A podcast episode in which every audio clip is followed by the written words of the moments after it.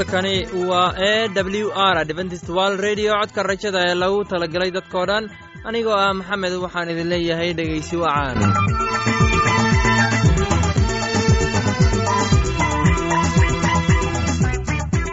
Barnaamijyadeena maanta waa laba qaybood. Qaybta koowaad waxaad ku maqli doontaan barnaamijka caafimaadka. Uu inoo soo jeedin doono shiina kadib waxaa inoo raacaya cashar inaga imanaya bugga nolosha uu inoo soo jeedinaya sulayman labadaasi barnaamij ee xiisaha leh waxa ay inoo dheeraysa daabacsan oo aynu idiin soo xulnay kuwaas oo aynu filayno inaad ka heli doontaan. Dhegeystayaasheenna qiimaha iyo khadradda leho waxaynu kaa codsanaynaa inaad barnaamijkeenna si aboon u dhegeysataan haddii aad wax su'aalaha qabto ama aad haysid wax talo ama tusaale fadlan inala soo xiriir dib ayaynu kaga sheegi doonnaa ciwaankeenna. Bal intaynan u guudagalin barnaamijyadeena xiisaha leh waxaad marka hore ku soo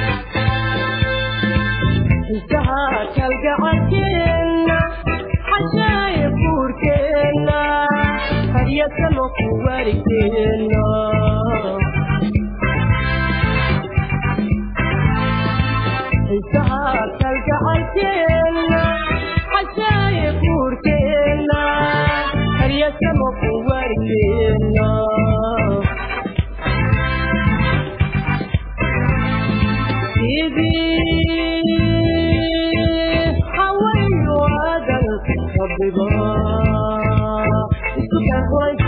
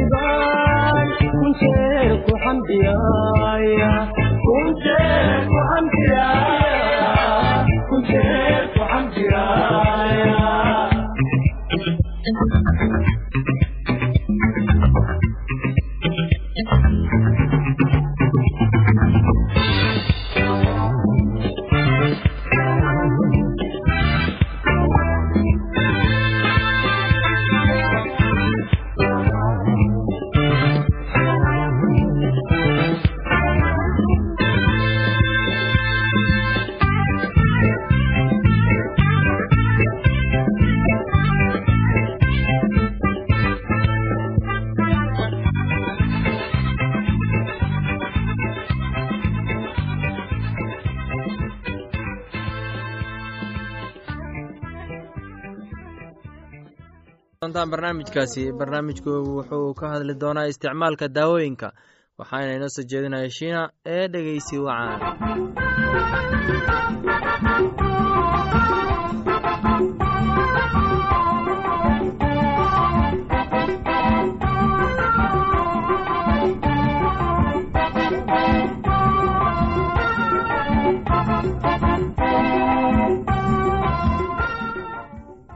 waxaa halkan noogu bilowday dhegeystayaasheena qiimaha iyo qadarinta lahow barnaamijkii aada horeba nooga barateen ee caafimaad. Haddaynu ku soo qaadano halkan waxaynu ku soo qaadanaynaa isticmaalka daawooyinka la yidhaahdo oxtoticus egarnovin oxtion bitosin daawooyinkani waxay isu ururiyaan ilmogaleenka iyo xididadiisa dhiigga.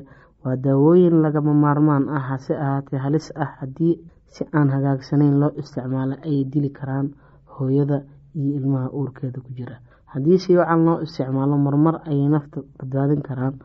Sidan ayaa si hagaagsan loogu isticmaali karaa. Si loo joojiyo dhiigga umulada dabadeed tani waa ujeedada ugu weyn ee daawooyinka loo isticmaalo. Haddii dhiigbax xumi jiro markay mandheerta soo baxdo dabadeed ku mud laba miligram irbad ah ama kiniin laba miligram ergonovin ama ergometrin saacad walba saddex saacadood ama inta dhiigu joogsanayo markuu dhiigu istaago kumud irbad ama sii xabad kiniin ah afartii saacadoodba labaatan iyo afar saacadood haddii ergonovin aanay oolin markay dhiig bixidu bilaabato kumud ama kudur okistosin waa lagama maarmaan in hooyo kasta oo uur lihi iyo umulisadu ay haysataa irbado ergonovin ah oo ay kula dagaalamaan dhiigbixidda haddii ay timaado hase ahaatee. Waa in daawooyinka loo isticmaalaa xaaladda aada xun uun.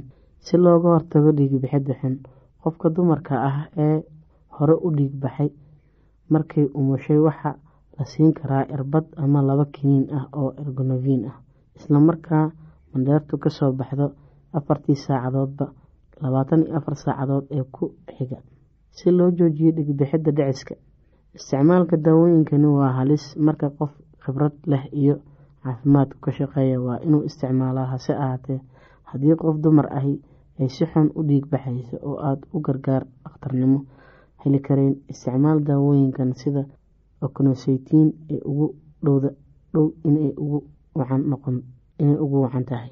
Digniin isticmaalka daawooyinka loo isticmaalo si ay u dedejiyaan umulada ama si ay hooyada xoog u siiyaan markay furanayso waa u halis hooyada iyo ilmahaba marka loo baahan yahay in la isticmaalo daawooyinka umulada horteed aada bay u yaryihiin waxaana wacan in umuliso la tababaray inay markaa isticmaasho. Weligaa ha isticmaalin daawooyinka umulada horteed. Haddii la isticmaalo daawooyinka si loo siiyo hooyada xoog markay umuleyso way dili karaan hooyada ama ilmaha ama labadaba. Dawo ma jirto aan halis lahayn oo hooyada xoog siin kartaa ama umulad howlyareysa ama dadejisa haddaad dooneyso inay hooyadu xoog ku filan umulada u yeelato waa inay cuntaa cuntooyinka jidhka dhisa ee ilaaliya sagaalka bilood ee ay uurka leedahay. Waxaa kalood ku talisaa inay isku ilaaliso uurka inta xoogeedu u dhammaanayo. Mar labaad umulidaha dhibta badan. Waxaa lagama maarmaan ah in gargaar dhakhtarnimo loo doonto sida ugu dhaqsaha badan ee suuragal ah. Haddii dhibaato xumi timaado inta foosha socoto dhibaatooyinka badanba iman kara qaar halis ay yihiin kuwa kale. Halkan dhowr kuwo inta badan la arko foosha oo istaaga ama dhaqso yaraata ama muddo badan socota kadib markay xoog tahay ama markay xabku burburo tan dhowr wax ayaa u sabab noqon kara. Tani way dhaqso yareyn kartaa ama way joojinba kartaa. Isqabsiyada la hadal isku day in aada joojiso u sheeg inay fooshu dhaqso yar tahay hase ahaatee aan wax dhibaato ah oo xumi jirin. Ku dhiirigeli inay sida u jiifto kolba bedesho oo ay wax cabto oo cunto oo ay kaadido waxaa laga yaabaa inay ilmuhu si aan caadi ahayn uurka ugu jiro. Taabo ilmogaleenka isqabsiyada dhexdooda si loo eego bal in ilmuhu gudub u jiifo. Marmar umulisada way wareejin kartaa ilmaha hadday si miyir dheh u wadwado caloosha hooyada isku day inaad ku kolba ilmaha in yar wareejiso isqabsiyada dhexdooda. Tan iyo inta madaxu hoos u jeesanayo. Hase ahaatee ha isticmaalin xoog waayo ilmagaleenka ayaa dilaaci kara. Haddii aan ilmaha la wareejin karin isku day inaad hooyada geyso cisbitaal dhegeystayaasheena qiimaha iyo qadarinta waxaa halkaa noogu dhammaaday. Barnaamijkii aada hore nooga barateen ee caafimaadka. Waa shiina oo idin leh caafimaad wacan waxaan filayaa inaad si aboon u dhegaysateen casharkaasi. Haddaba haddii aad qabto wax su'aal ah oo ku saabsan barnaamijka caafimaadka fadlan inala soo xiriir. Ciwaankeenna waa codka rajada sanduuqa boostada afar laba laba todoba lix nairobi kenya. Mar labaad ciwaankeenna waa codka rajada sanduuqa boostada afar laba laba todoba lix nairobi kenya. Waxaa kaloo inagala soo xiriiri kartaan emeilka somali e w r at yahu dt com. Mar labaad emeilka waa somali e w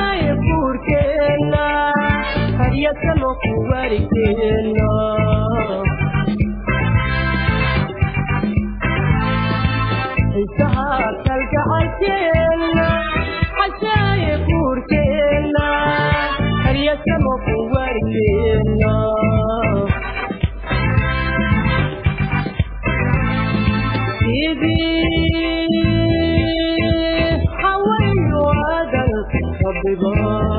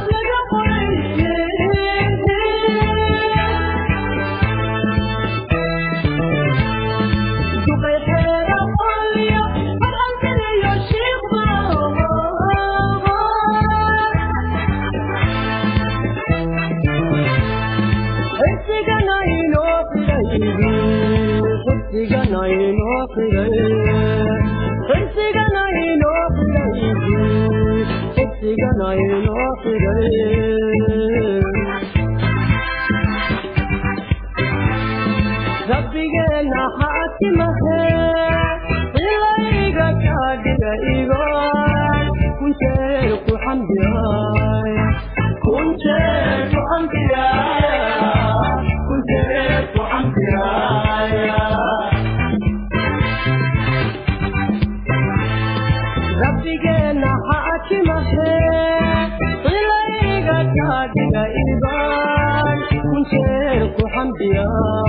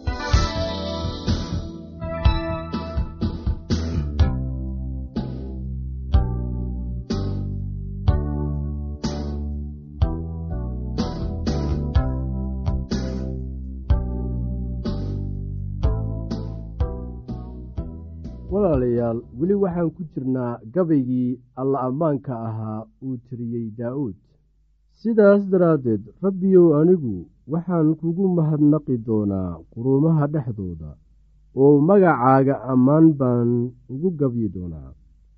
Rabbigu si weyn buu boqorkiisa u samato bixiyaa oo wuxuu weligiis raxmad u sameeyaa kii uu subkaday kaasoo ah daawuud iyo farcankiisaba weligiis iyo weligiis haddaba ereyadanu waa kuwii ugu dambeeyey oo daauud daawuud ina yasay wuxuu leeyahay.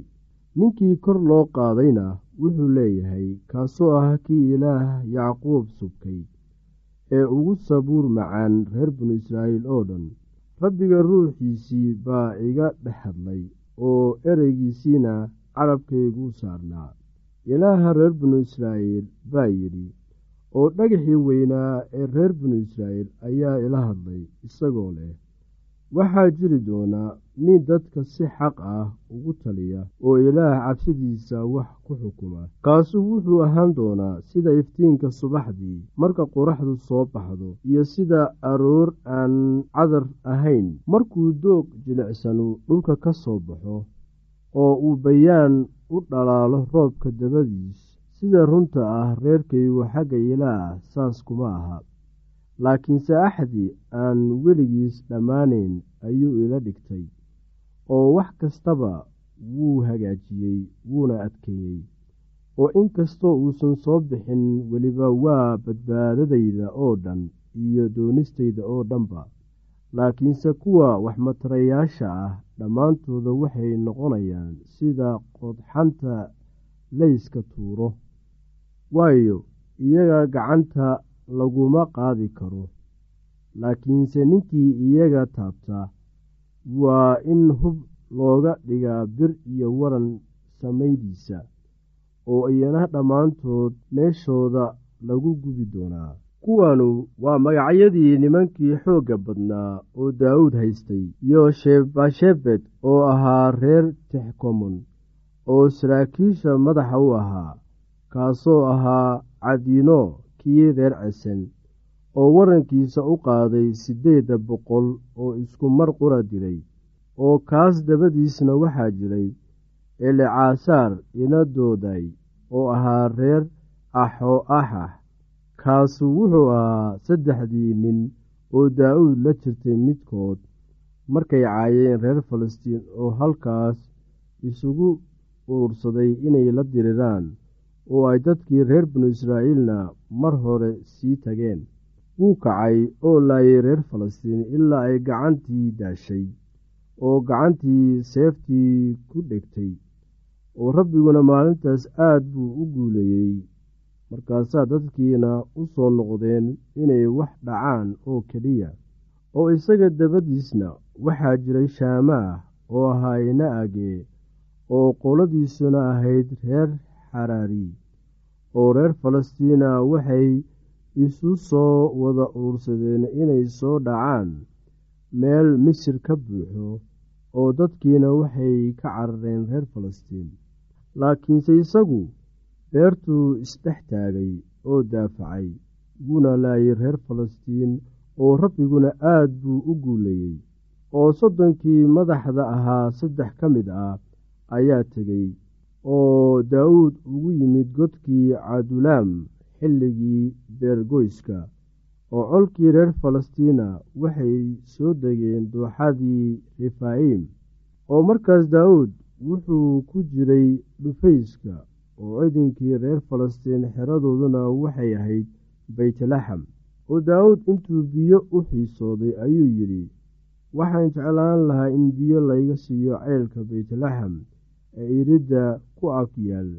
Markaasaa saddexdii nin ee xoogga badnaa ayaa dhex maray ciidankii reer falastiin oo waxay biyo ka soo dhaamiyeen ceylkii beytlaxam ee iridda ku agyiil oo intay soo qaadeen ayay daawuud u keeneen laakiinse wuu diiday inuu ka cabo biyahaas rabbiguuse u daajay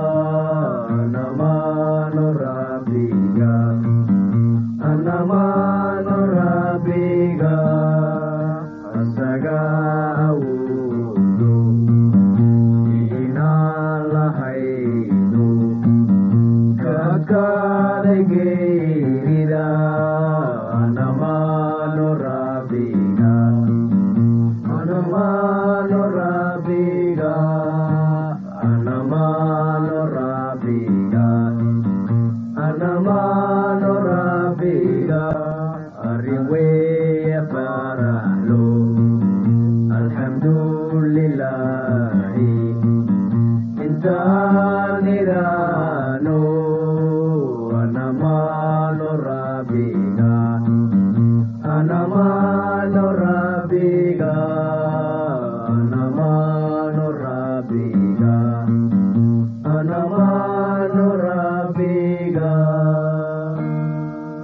laanta soomaaliga ee codka rajada waxay sii daysaa barnaamijyo kala duwan waxaana ka mid ah barnaamij ku saabsan kitaabka quduuska oo ay weheliyaan barnaamijyo isugu jira caafimaad heeso iyo nolosha qoyska. Casharkaasi inaga yimid bugga nolosha ayaynu ku soo gogobeyneynaa barnaamijyadeena maanta. Halkaad inagala socoteen waa laanta afka soomaaliga ee codka rajada ee loogu talagalay dadkao dhan. Haddaba haddii aad dooneyso inaad wax ka korsato bugga nolosha ama aad dooneyso inaad wax ka barato caafimaadka ama nolosha qoyska fadlan inala soo xiriir ciwaankeenna waa codka rajada sanduuqa boostada afar laba laba todoba lix nairobi kenya. Mar labaad ciwaankeenna waa codka rajada sanduuqa boostada afar laba laba todoba lix nairobi kenya. Waxaa kaloo inagala soo xiriiri kartaan emeilka somali e w r at yahu dt mar labaad emeilka waa somali e w r at yahu dt com. Dhegeystayaal waxaan idin ogeysinaynaa barnaamijyo kale oo kuwan la mid ah. Waxaad ka heli kartaa barta internetka www e w r o r g. Intaan mar kale hawada dib ugu kulmayno. Anigoo ah maxamed waxaan idin leeyahay sidaas iyo nabadgelyo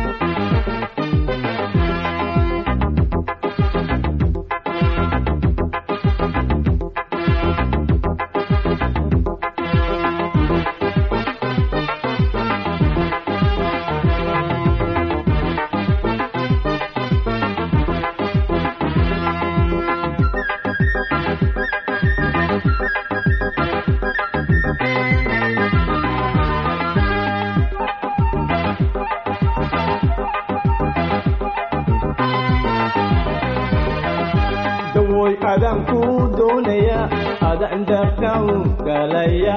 Dawoy adaan ku doonaya adaan daartaan galaya. Aday tilo dalayga dhigay aday tilo wanaageeni dumiye gudaaline kataada raaxay gudaaline kadurugu walaal waan diiday ay gudaaline kantaada raax ay gudaaline kadurugu walaal waan diiday